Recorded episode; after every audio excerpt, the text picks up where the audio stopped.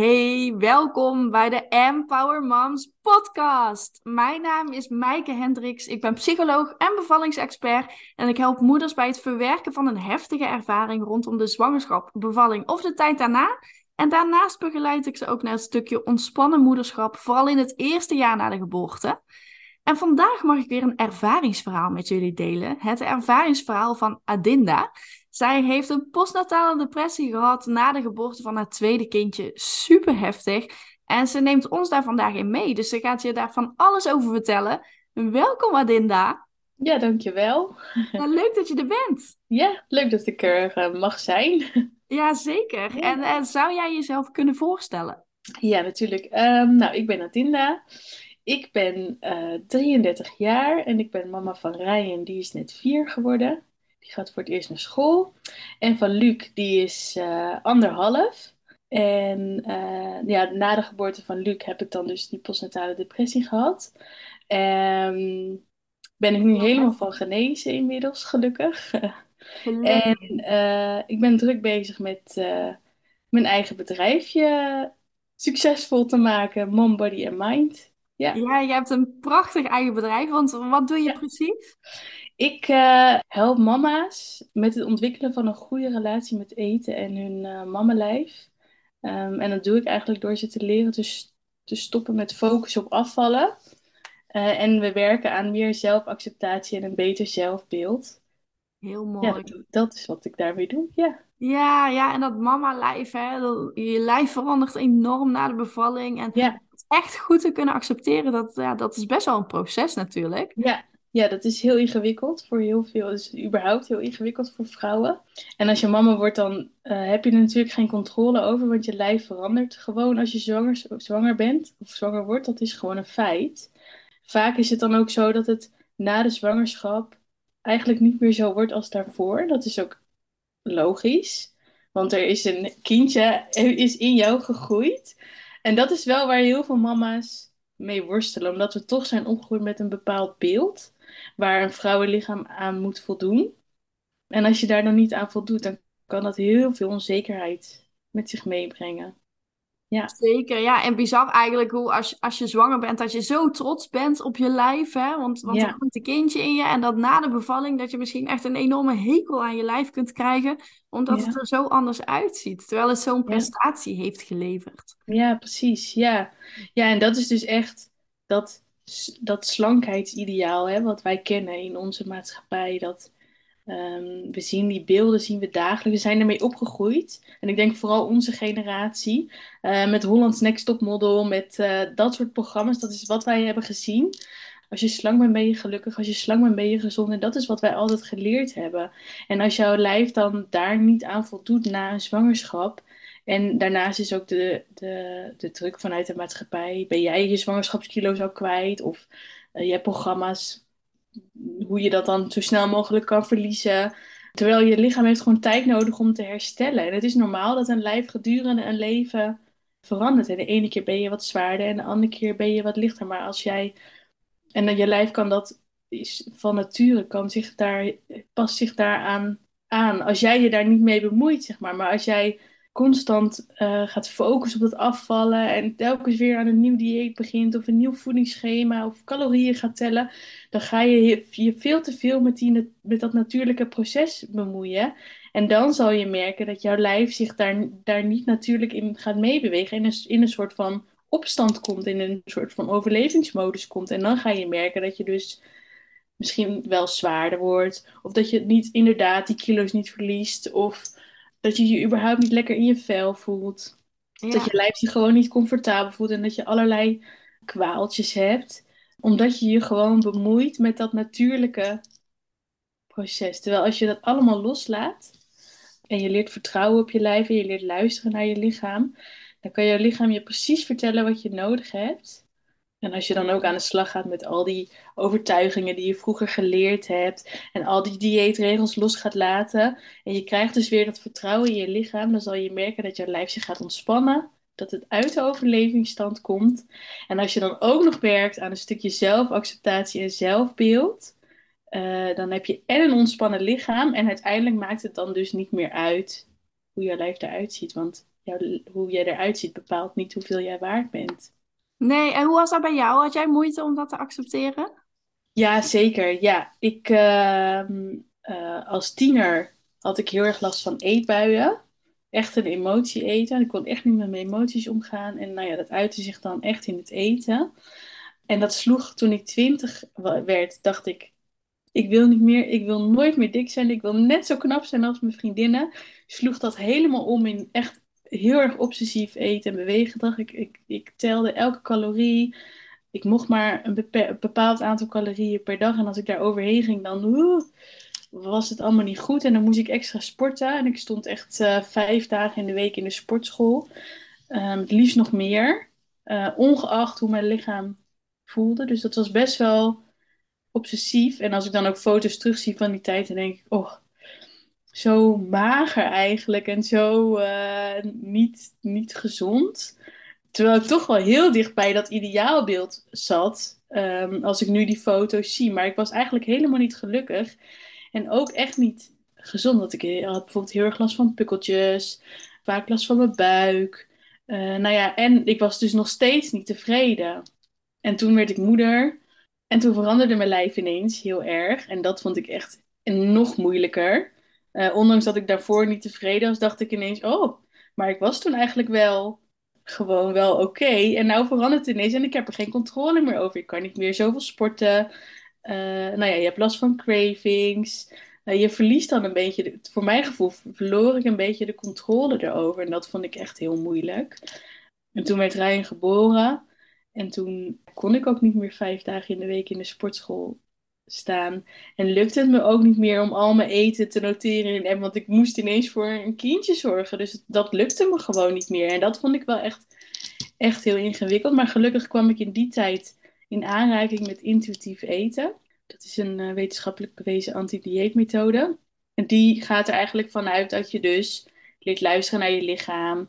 Uh, en dat, dat eigenlijk dat dieet is gewoon heel erg ongezond voor je lijf. En dieet is een hele brede term. Hè. Vaak denken we aan een dieet als in, nou ja, je gaat een dieet doen. Maar een dieet is eigenlijk heel breed. Daar hoort ook bij calorieën tellen. Um, eigenlijk alle regels die je hebt op het gebied van eten is gewoon een dieet. En dat leerde ik allemaal loslaten. En ik merkte eigenlijk dat er helemaal niet zoveel gebeurde met mijn lichaam. Het bleef gewoon zoals het was. En sterker nog, ik ging me gewoon beter voelen dan wat ik, hoe ik me altijd had gevoeld. Dus ik dacht, nou, dit is het. Oh, Wauw, ja, fantastisch. En, want je hebt twee kindjes, hè? vertelde je ja. net in het begin.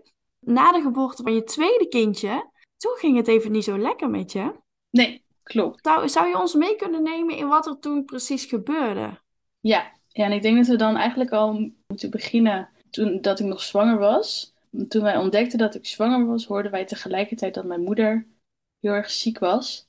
Er werd maagkanker bij haar geconstateerd. Dus eigenlijk de, de blijheid, de joy van de zwangerschap werd eigenlijk een beetje overschaduwd door dat negatieve nieuws. Want hoe blij je ook bent dat je zwanger bent, zo'n zulk nieuws is gewoon echt, echt heel erg heftig.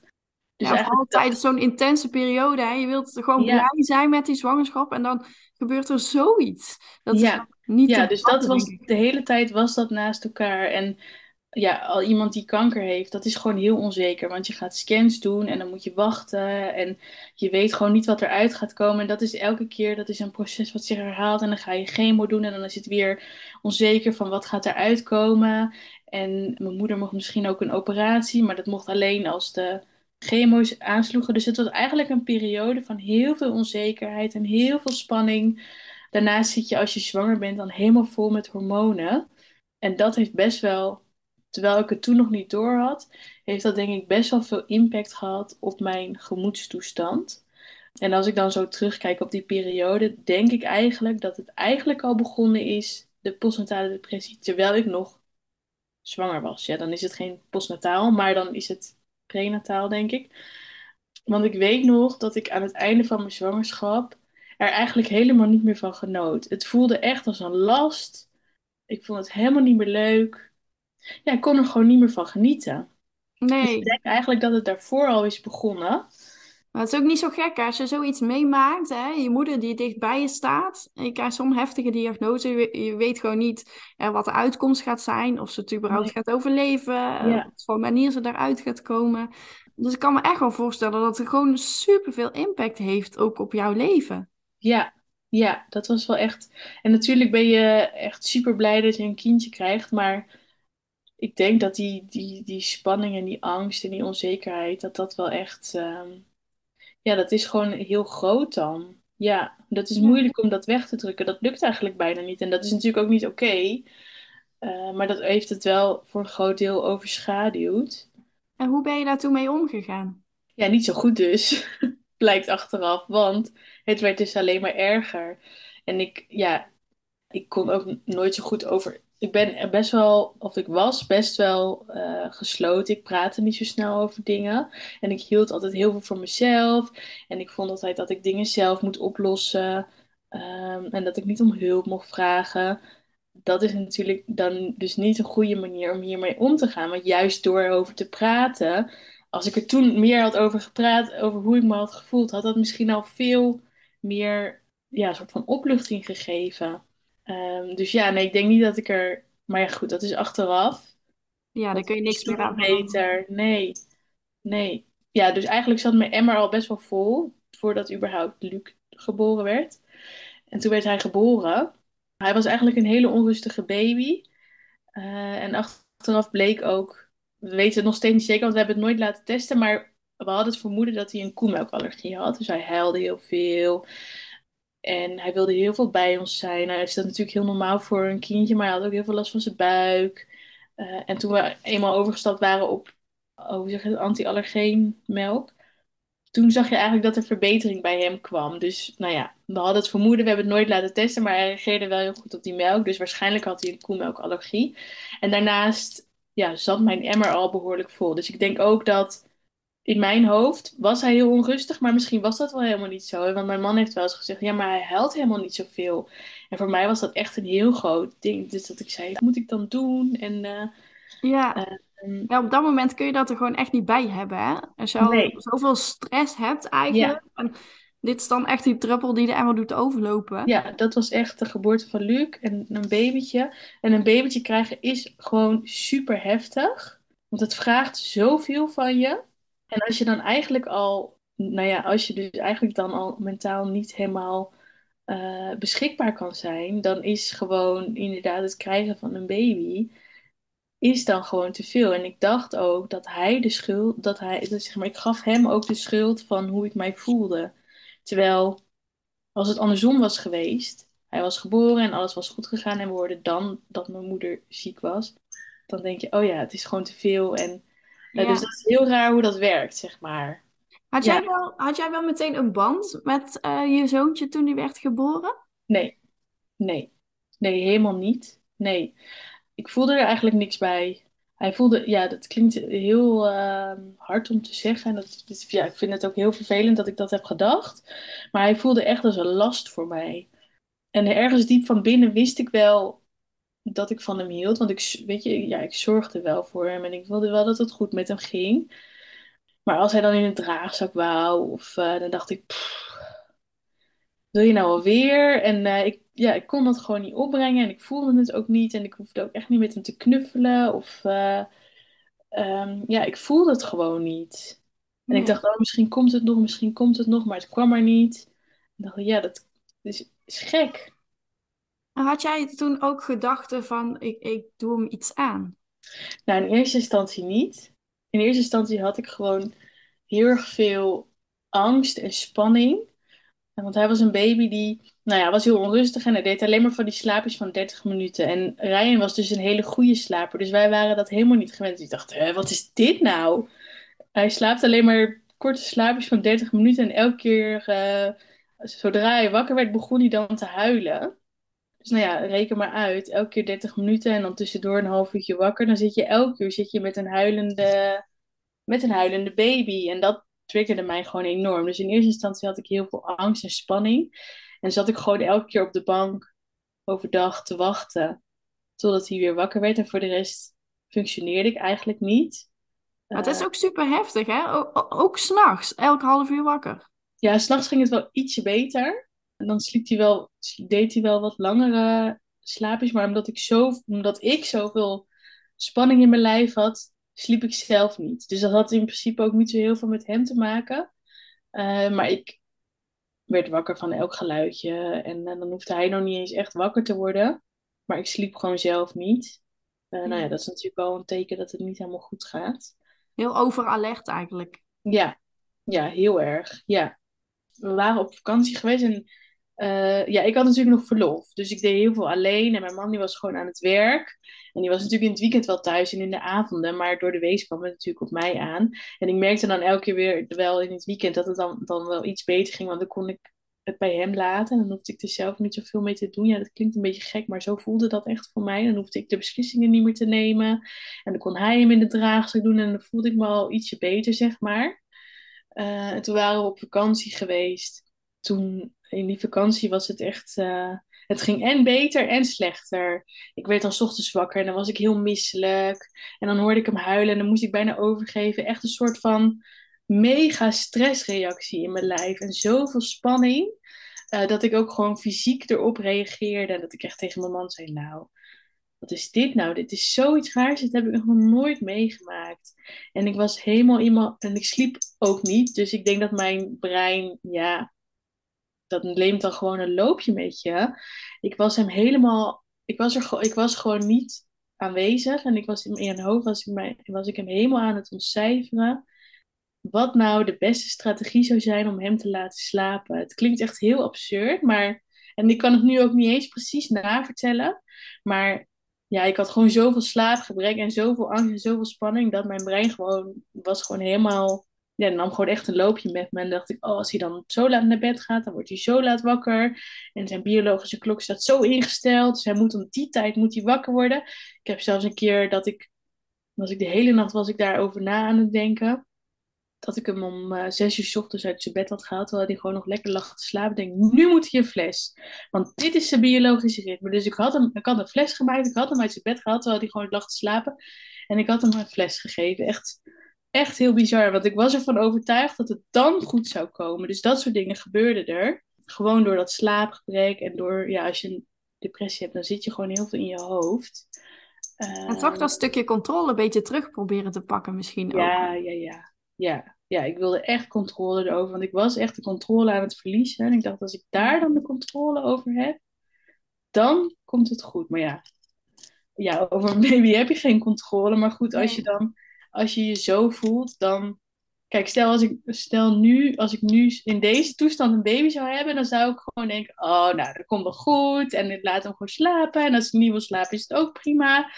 Maar dan, als je met die hormonen en gewoon door die mentale toestand kan je dat gewoon niet loslaten. En ik denk dat iedere moeder dat wel een klein beetje heeft, want dat is gewoon dat hormonale. Ja, hormonen doen zoveel. Ja, maar als je dan zo'n depressie hebt, dan kan je dat helemaal niet loslaten. En dan wil je zo graag die controle houden over alles, omdat je denkt dat als, je, als dat gefixt is, dan voel je je beter. Maar zo werkt het natuurlijk niet. Nee. En in die vakantie heb ik ook gedroomd over hem dat hij een monster was. En nou ja, echt hele nare dingen. En toen tegelijkertijd merkte ik in die vakantie dat ik ook steeds meer aan mijn man kon overdragen. En gedurende die vakantie ging het eigenlijk wel beter. Maar ik had wel afgesproken dat ik een afspraak zou maken bij de huisarts. Want ik had die fysieke reacties en ik sliep niet en ik at niet. Dus dat was gewoon niet oké. Uh, en toen kwamen we thuis. En toen ging mijn man weer aan het werk. En toen was ik weer twee dagen alleen met hem. En toen werd ik wakker op een ochtend en ik hoorde hem huilen. En ik dacht echt, oh, ben je nou alweer wakker? En ik, ik stond op en ik haalde hem uit zijn bed en ik had hem in mijn armen en ik voelde gewoon niks. Alleen maar irritatie en moeheid. En ik liep naar mijn man met hem. Ik gaf hem aan hem en ik zeg, ik kan het niet meer. Jij moet het doen. Ik kan gewoon niet meer voor hem zorgen. En toen, uh, heeft hij het helemaal overgenomen, gelijk. Hij nam me gelijk heel serieus. En toevallig hadden we die ochtend hadden we een afspraak met het consultatiebureau voor extra ondersteuning. Ze kwamen op gesprek voor iets heel anders. En ik was helemaal gebroken en ik zat daar te huilen en ik zei, ik kan niet meer voor hem zorgen en ik kan het niet meer. En zei ze, oké, nou dan ga ik nu je huisarts bellen. Dus ik had de huisarts gebeld uh, en ik had een afspraak gemaakt. En toen werd het eigenlijk gelijk werd het steeds erger. Dus gelijk die dag, later op die dag kreeg ik paniekaanvallen.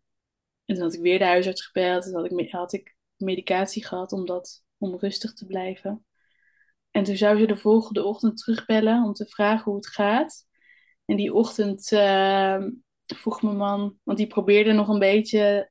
Want ik wilde gewoon echt niks meer met Luc te maken hebben. En ik wilde hem niet aanraken. En ik wilde gewoon zo ver mogelijk bij hem uit de buurt blijven. Want ik dacht dat hij de reden was uh, dat ik mij zo voelde. En zijn gehuil triggerde mij ook heel erg. Dus ik dacht, als ik dan niet bij hem in de buurt ben, dan gaat het wel goed. En dan, maar dat is natuurlijk niet zo, want ik kreeg gewoon paniekaanvallen en ik voelde me nog steeds uh, uh, super gespannen. Toen zei hij, uh, ja, zullen we hem dan zometeen samen in bad doen? En toen dacht ik al, nee, dat ga ik niet doen. En toen dacht ik later, nou, misschien moet ik het wel doen, want als ik hem dan onder water hou, um, dan stikt hij misschien. En dat was de eerste keer dat ik dus die gedachte had. dat ik hem, en ik en ik schrok daar zelf van en tegelijkertijd ook niet, want dat is heel gek. Um, ik zag het voor me en het moment dat die, zeg maar, ja, stikte, voelde ik mijn lijf even ontspannen. Dus dat was heel raar. Dat ik dacht, oké, nou ja, dan is het voorbij.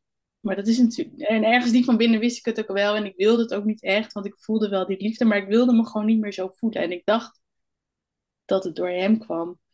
En toen later had ik het weer hetzelfde, dat ik met hem boven, ik had Luc in mijn arm en ik stond boven aan de trap en dacht ik, wat nou als ik hem nu laat vallen? En ik zag gewoon dat helemaal voor me.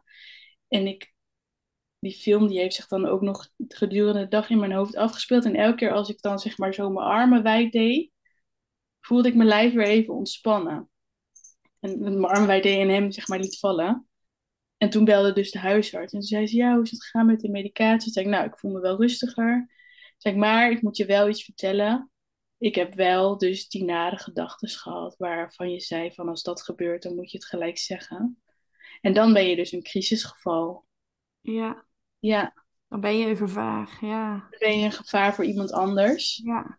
En dan wordt dus de crisisdienst gebeld.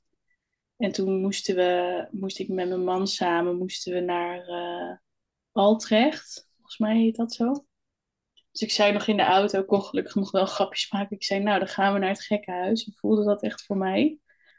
Had je daar vrede mee op dat moment dat je daar naartoe werd gebracht? Nou, meer dat ik een soort van opgelucht was. Uh, dat ik dacht, oké, misschien uh, hoef ik het dan straks niet meer alleen te doen. Er is hulp of zo. En dat werd eigenlijk alleen maar versterkt, want de huisarts ging ook gelijk bellen naar uh, moeder-baby unit in het Leidse Rijn Antonius ziekenhuis. En nou, volgens mij een week later of zo kon ik daar al terecht. En het moment dat we, nou, ja, ik was wel echt heel verdrietig dat ik daar naartoe moest. Want ik ging daar samen met Luc heen en Rijn en Jeffrey bleven samen thuis. Dus we werden eigenlijk als gezin uit elkaar gerukt.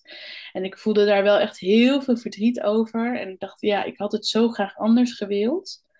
Want je wil gewoon die eerste periode, wil je met elkaar zijn. En je wil gewoon dat, dat weet je, dat je met elkaar, dat die, dat die band kan versterken. En, uh, maar tegelijkertijd was ik ook zo opgelucht.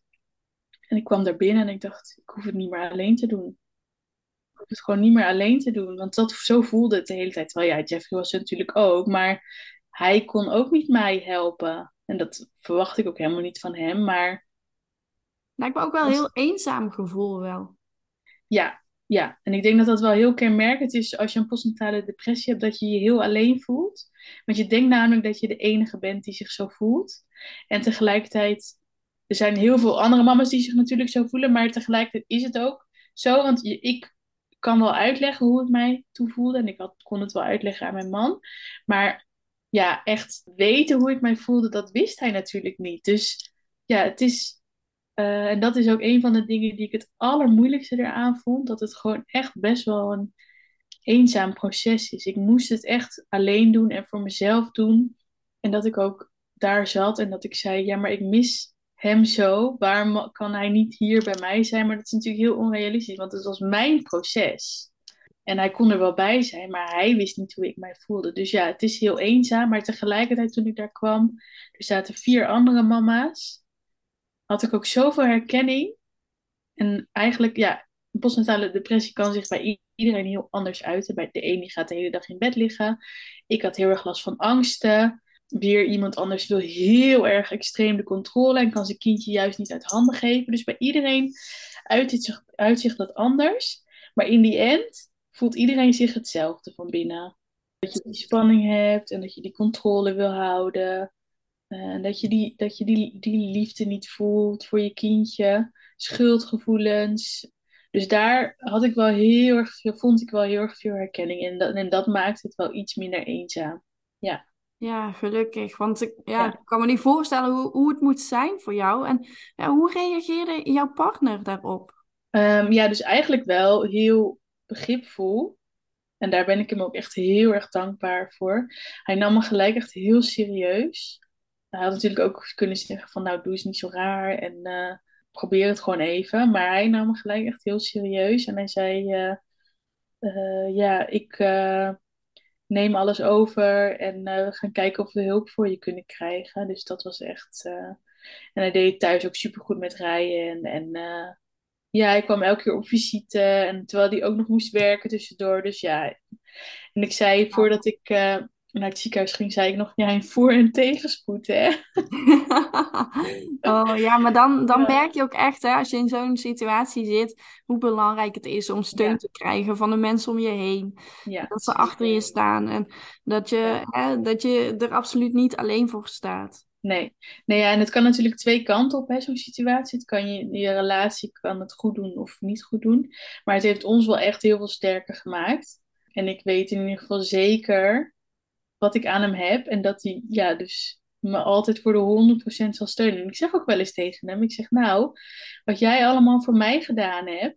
Heel eerlijk, ik weet niet of ik het andersom of dat ik het zou kunnen. Ik heb daar zoveel respect voor. Hij heeft het met zoveel liefde gedaan. En uh, dat is gewoon echt. Uh, daar, daar bewonder ik hem echt wel in. Ja, snap ik. Ja, en, en voor hem is het ook lastig, want zijn vrouw is weg en zijn kind is weg. Want Luc, ja. mocht natuurlijk mee met jou. Ja, Luc ging met mij mee. Ja. Hoe was dat voor jou, hè, om, om je kindje dan bij je te hebben? Want je zei van, ik ervaar dan eigenlijk niet echt een band met mijn kind. Hij is me meer tot last. Ja, nou ja, diep van binnen wist ik wel dat het belangrijk is om daaraan te werken. En ik voelde ook ergens wel die liefde, want ik wilde gewoon dat het goed met hem ging. En alleen er zat gewoon heel veel angst en spanning voor. Dus ik kon zeg maar niet bij dat gevoel komen van liefde, omdat die angst en spanning er gewoon nog voor zaten. En uh, ja, ik had eigenlijk ook geen contact met hem. Ik deed niks met hem. Eigenlijk gaf hem geen fles. Ik wilde hem niet aanraken. Ik wilde hem niet knuffelen. Dus dat deed zeg maar de verpleging. En dan ging ik er soms wel bij zitten, maar als hij dan ging huilen, dan liep ik weg.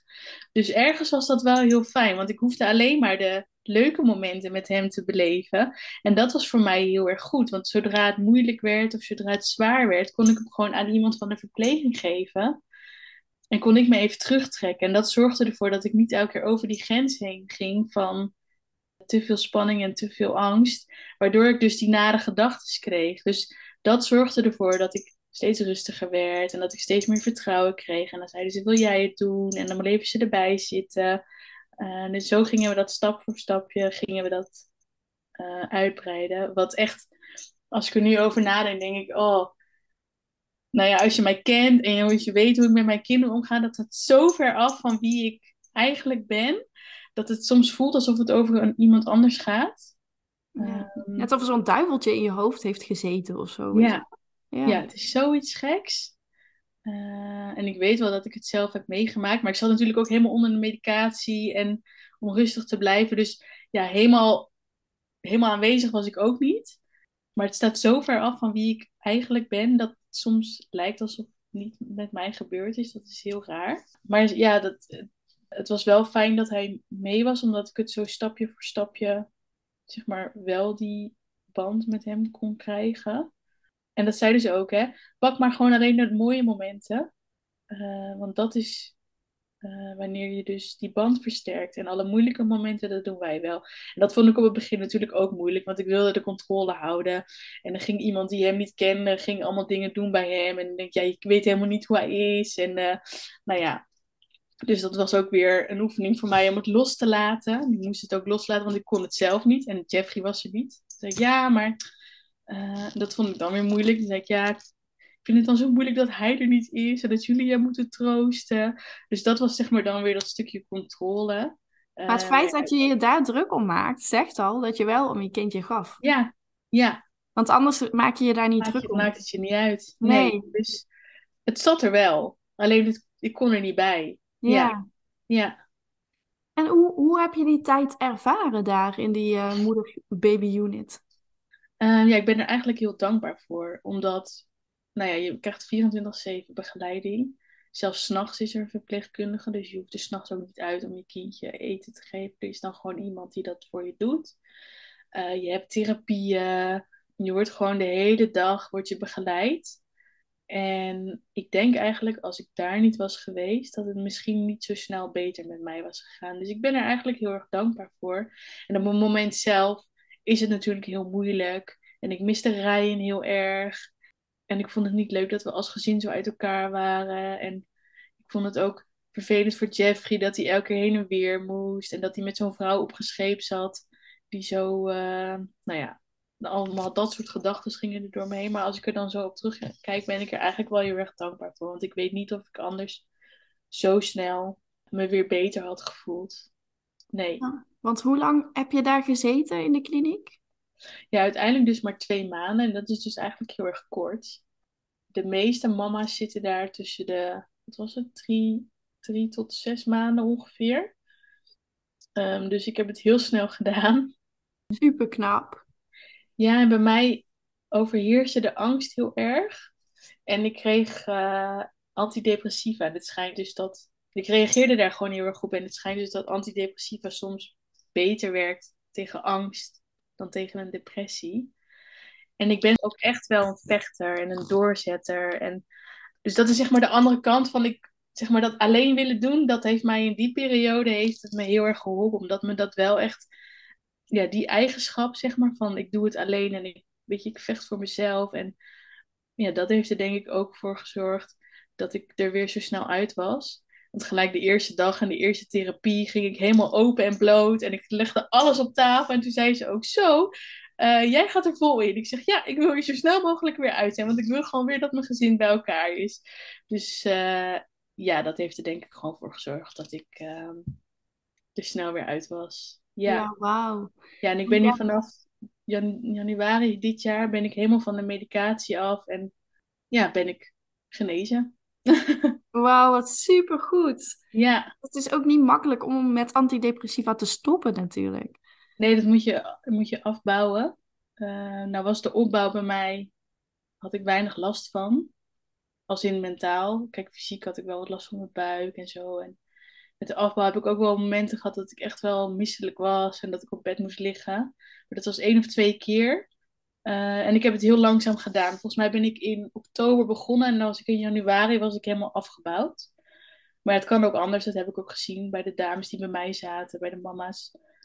Uh, die daar heel heftig op reageerden, inderdaad. Uh, maar daar had ik geluk mee dat dat bij mij niet zo was. Nee. Oh, gelukkig. Ja. En wat, wat heeft jou nog meer geholpen, behalve de medicatie, om er echt weer bovenop te komen, om jou weer jezelf te laten voelen? Ja, toch wel de, die therapieën. Ik heb zoveel oude patronen aangepakt. En uh, ja, ik heb heel veel gesprekken gevoerd, ook over vroeger en waar dingen dan vandaan komen. Want natuurlijk uh, zat mijn emmer vol doordat mijn moeder ziek werd. Maar er waren ook allemaal andere dingen die meespeelden. Wat allemaal naar boven kwam op dat moment. Dus ik heb, ja, eigenlijk praten. Praten is het allerbelangrijkste voor mij geweest, omdat ik dat nooit had gedaan. En ik denk eigenlijk dat dat voor iedereen zo is. Door te praten over wat je voelt, ja, los je zoveel op. En dat klinkt heel simpel, maar dat is denk ik wel echt zo. Ja, heel belangrijk, hè? Vooral niet alle emoties opkroppen. Nee. En als jij voelt hè, dat je verdrietig bent of als je boos bent, er gewoon ruimte aan geven. Ja, dat het eruit kan. Want anders inderdaad wordt het op een gegeven moment te veel en kun je Ja. het niet meer handelen. ja, precies. Ja, dat heeft mij denk ik ook wel echt heel erg geholpen. Ja, en ook gewoon echt kijken van, oké, maar waarom, waarom doe ik dan nu wat ik doe? Ik heb bijvoorbeeld een heel groot verantwoordelijkheidsgevoel naar mijn ouders en naar mijn zusjes. Ehm, maar ik ben er niet om voor hun te zorgen. En ik heb een, twee kinderen waar ik voor moet zorgen. En ik moet voor mezelf zorgen. En dat is het allerbelangrijkste. En dat zijn bijvoorbeeld dingen waar ik heel erg aan gewerkt heb het afgelopen jaar. Dat soort inzichten. Eh, dat heeft me wel heel erg geholpen om eigenlijk een nog betere versie van mezelf te worden. En ik voel ook nu, zeg maar, nu ik helemaal van de medicatie af ben, er is een soort rust over me heen gekomen, wat ik gewoon nog nooit eerder in mijn leven heb gevoeld. Ik voel me zo rustig en zo ontspannen. En dat komt denk ik echt door alle shit die ik het afgelopen jaar heb opgeruimd. Ja, Oh, wauw. Ja, het is, het is niet makkelijk geweest natuurlijk. Hè? Nee. Maar inderdaad, kijk hoe je er nu bij zit. Zo, zo, zo Ja. lekker ontspannen en eh, rustig. En eh, ja, gewoon helemaal kalm. ja, ja. Fijn. Ik zeg ook altijd maar, het is echt een super zware periode geweest. En ja, het is gewoon heel naar. Kijk, het liefst had ik gewoon een burn-out gehad en dan had ik het gewoon zelf gedaan. En had ik even door het stof moeten gaan en dan was ik er daarna weer geweest. Ik vind het gewoon zo vervelend dat Luc erbij betrokken is geweest. Maar goed, daar heb je geen controle over. Maar ondanks dat heeft het me wel zoveel gebracht. En heeft het mijn leven eigenlijk alleen maar beter gemaakt. En heeft het me zoveel mooie inzichten gegeven. eh, dat ik er alleen maar sterker van ben geworden. Het is alleen jammer dat Luc dan dus erbij betrokken is geweest. En dat eigenlijk onze start zo heeft moeten zijn. Maar goed, het is nu helemaal goed. En eh, het is een heerlijk ventje. En ik hou superveel van hem. En ik geniet 100% van hem. Dus dat is helemaal goed gekomen. Oh, wauw. En relatief gezien, die babyperiode is natuurlijk maar heel kort. En ik heb hem de rest van mijn leven nog bij me. Dus eh, Zeker, ja. ja, Het wil niet zeggen inderdaad dat als de babyperiode niet helemaal lekker gaat, dat meteen die gehechtheid is verpest of Nee. zo. Dat absoluut niet. nee. Maar er zit wel een soort van, op die babyperiode, je moet ervan genieten. En het is zo belangrijk. En dus dat voelde ik natuurlijk wel. Ze zijn maar één keer zo klein. En, eh, maar ik denk ook, over het algemeen gezien, ik vind baby's gewoon heel moeilijk. dus naast dat ik een postnatale depressie heb gehad, vind ik baby's gewoon heel moeilijk. En ik vind het ook echt wel leuker als ze gewoon wat ouder zijn. En dus nou ja, ik weet niet of ik, ook al zou ik het misschien nog een keer overnieuw doen en zou ik geen depressie hebben, weet ik ook niet of ik er, of ik er echt zo op een, op een mega roze wolk zou zitten. En, want het is gewoon zwaar en het is gewoon ingewikkeld. En Absoluut, kan ja. een baby niet altijd lezen, ook al doe je wel je best en je slaapt weinig. En, eh, dus het is ook gewoon, denk ik, een soort van sprookje eh, wat je dan in je hoofd hebt. Ja, Ja, het is gewoon een intense tijd. Er komt zoveel op je af en die hormonen die nog in je lijf zitten, dat Ja. is ook niet makkelijk. Maar wel fijn dat de band tussen jullie nu gewoon weer goed is, hè? Dat ja je, zeker. ja, Al is die wel echt een papa's kindje, maar mag. dat maar mag, onze band zeker. helemaal goed. Ja, Ja, fijn. ja, ja. En als er nou andere moeders kampen, hè, die luisteren met, met ja, een mogelijke postnatale depressie, wat zou jij deze moeders willen meegeven? Wat is jouw nummer één tip voor deze moeders? Ja, vraag hulp. Want het is echt niet. eh, je hoeft je echt niet te schamen. Je bent echt niet de enige die zich zo voelt. En je hoeft ook niet een, gelijk een postnatale depressie te hebben. Of je gelijk heel erg slecht te voelen. Ook als je denkt van nou, het gaat gewoon niet helemaal lekker. Vraag gewoon hulp. Want het is echt niet erg om om hulp te vragen. Je hoeft je daar echt niet om te schamen. En, en zoals ik net al zei, het is gewoon heel zwaar om mama te worden. En het is gewoon heel fijn. Al, al, ga je naar een clubje met andere moeders om het gewoon eens te hebben over: oké, maar hoe, hoe voel jij je dan? En is het, is, voel jij je ook zo? Dat je gewoon die herkenning kan voelen. En dan is kan hebben van: nou, hoe ga jij er dan mee om? Of eh, ehm, ja, praat er gewoon over en vraag om hulp. Ja, dat is denk ik wel echt mijn nummer één tip. Ja, een hele mooie tip. Super belangrijk natuurlijk om erover Ja. te praten. Om het niet voor jezelf te houden, maar het echt te delen met anderen. ja Ook al ben je misschien bang voor reacties van anderen, wat ze ervan vinden of wat dan ook, hè? Deel het. Ja, echt. Ja, maar als ik dan nu zo mijn verhaal vertel aan andere moeders, dan zegt ze ja, maar ja, ik heb ook wel eens gedacht van nou, ik doe die kinderwagen zo de weg op, want dan poeh, ik kan het even niet meer aan, weet je wel. Dus ja, zoveel moeders hebben gewoon gedachten. En ja, dus je bent echt niet de enige. Klopt, zeker. Ja, en een postnatale depressie komt bij 10% van de vrouwen voor. Dus 1 op de 10. Dat is echt heel erg veel. Dus heel fijn dat jij je verhaal hier wilde delen, Adinda. Hè? Dat je je meer, meer bekendheid aan wilde geven. Zodat ja. moeders zich ook gesteund voelen. Mochten zij het vermoeden hebben dat ze een postnatale depressie hebben. Ja. Je hoeft het niet alleen te doen. Nee, je hoeft het niet, zeker niet alleen te doen. Nee. nee. nee het is ook echt niet iets om je voor te schamen. Zeker niet, nee. Je bent gewoon ziek. Dat is gewoon, uh, dat is wat het is. Net zoals dat je een lichamelijke ziekte kan hebben, kan je natuurlijk ook gewoon ziek zijn in je hoofd.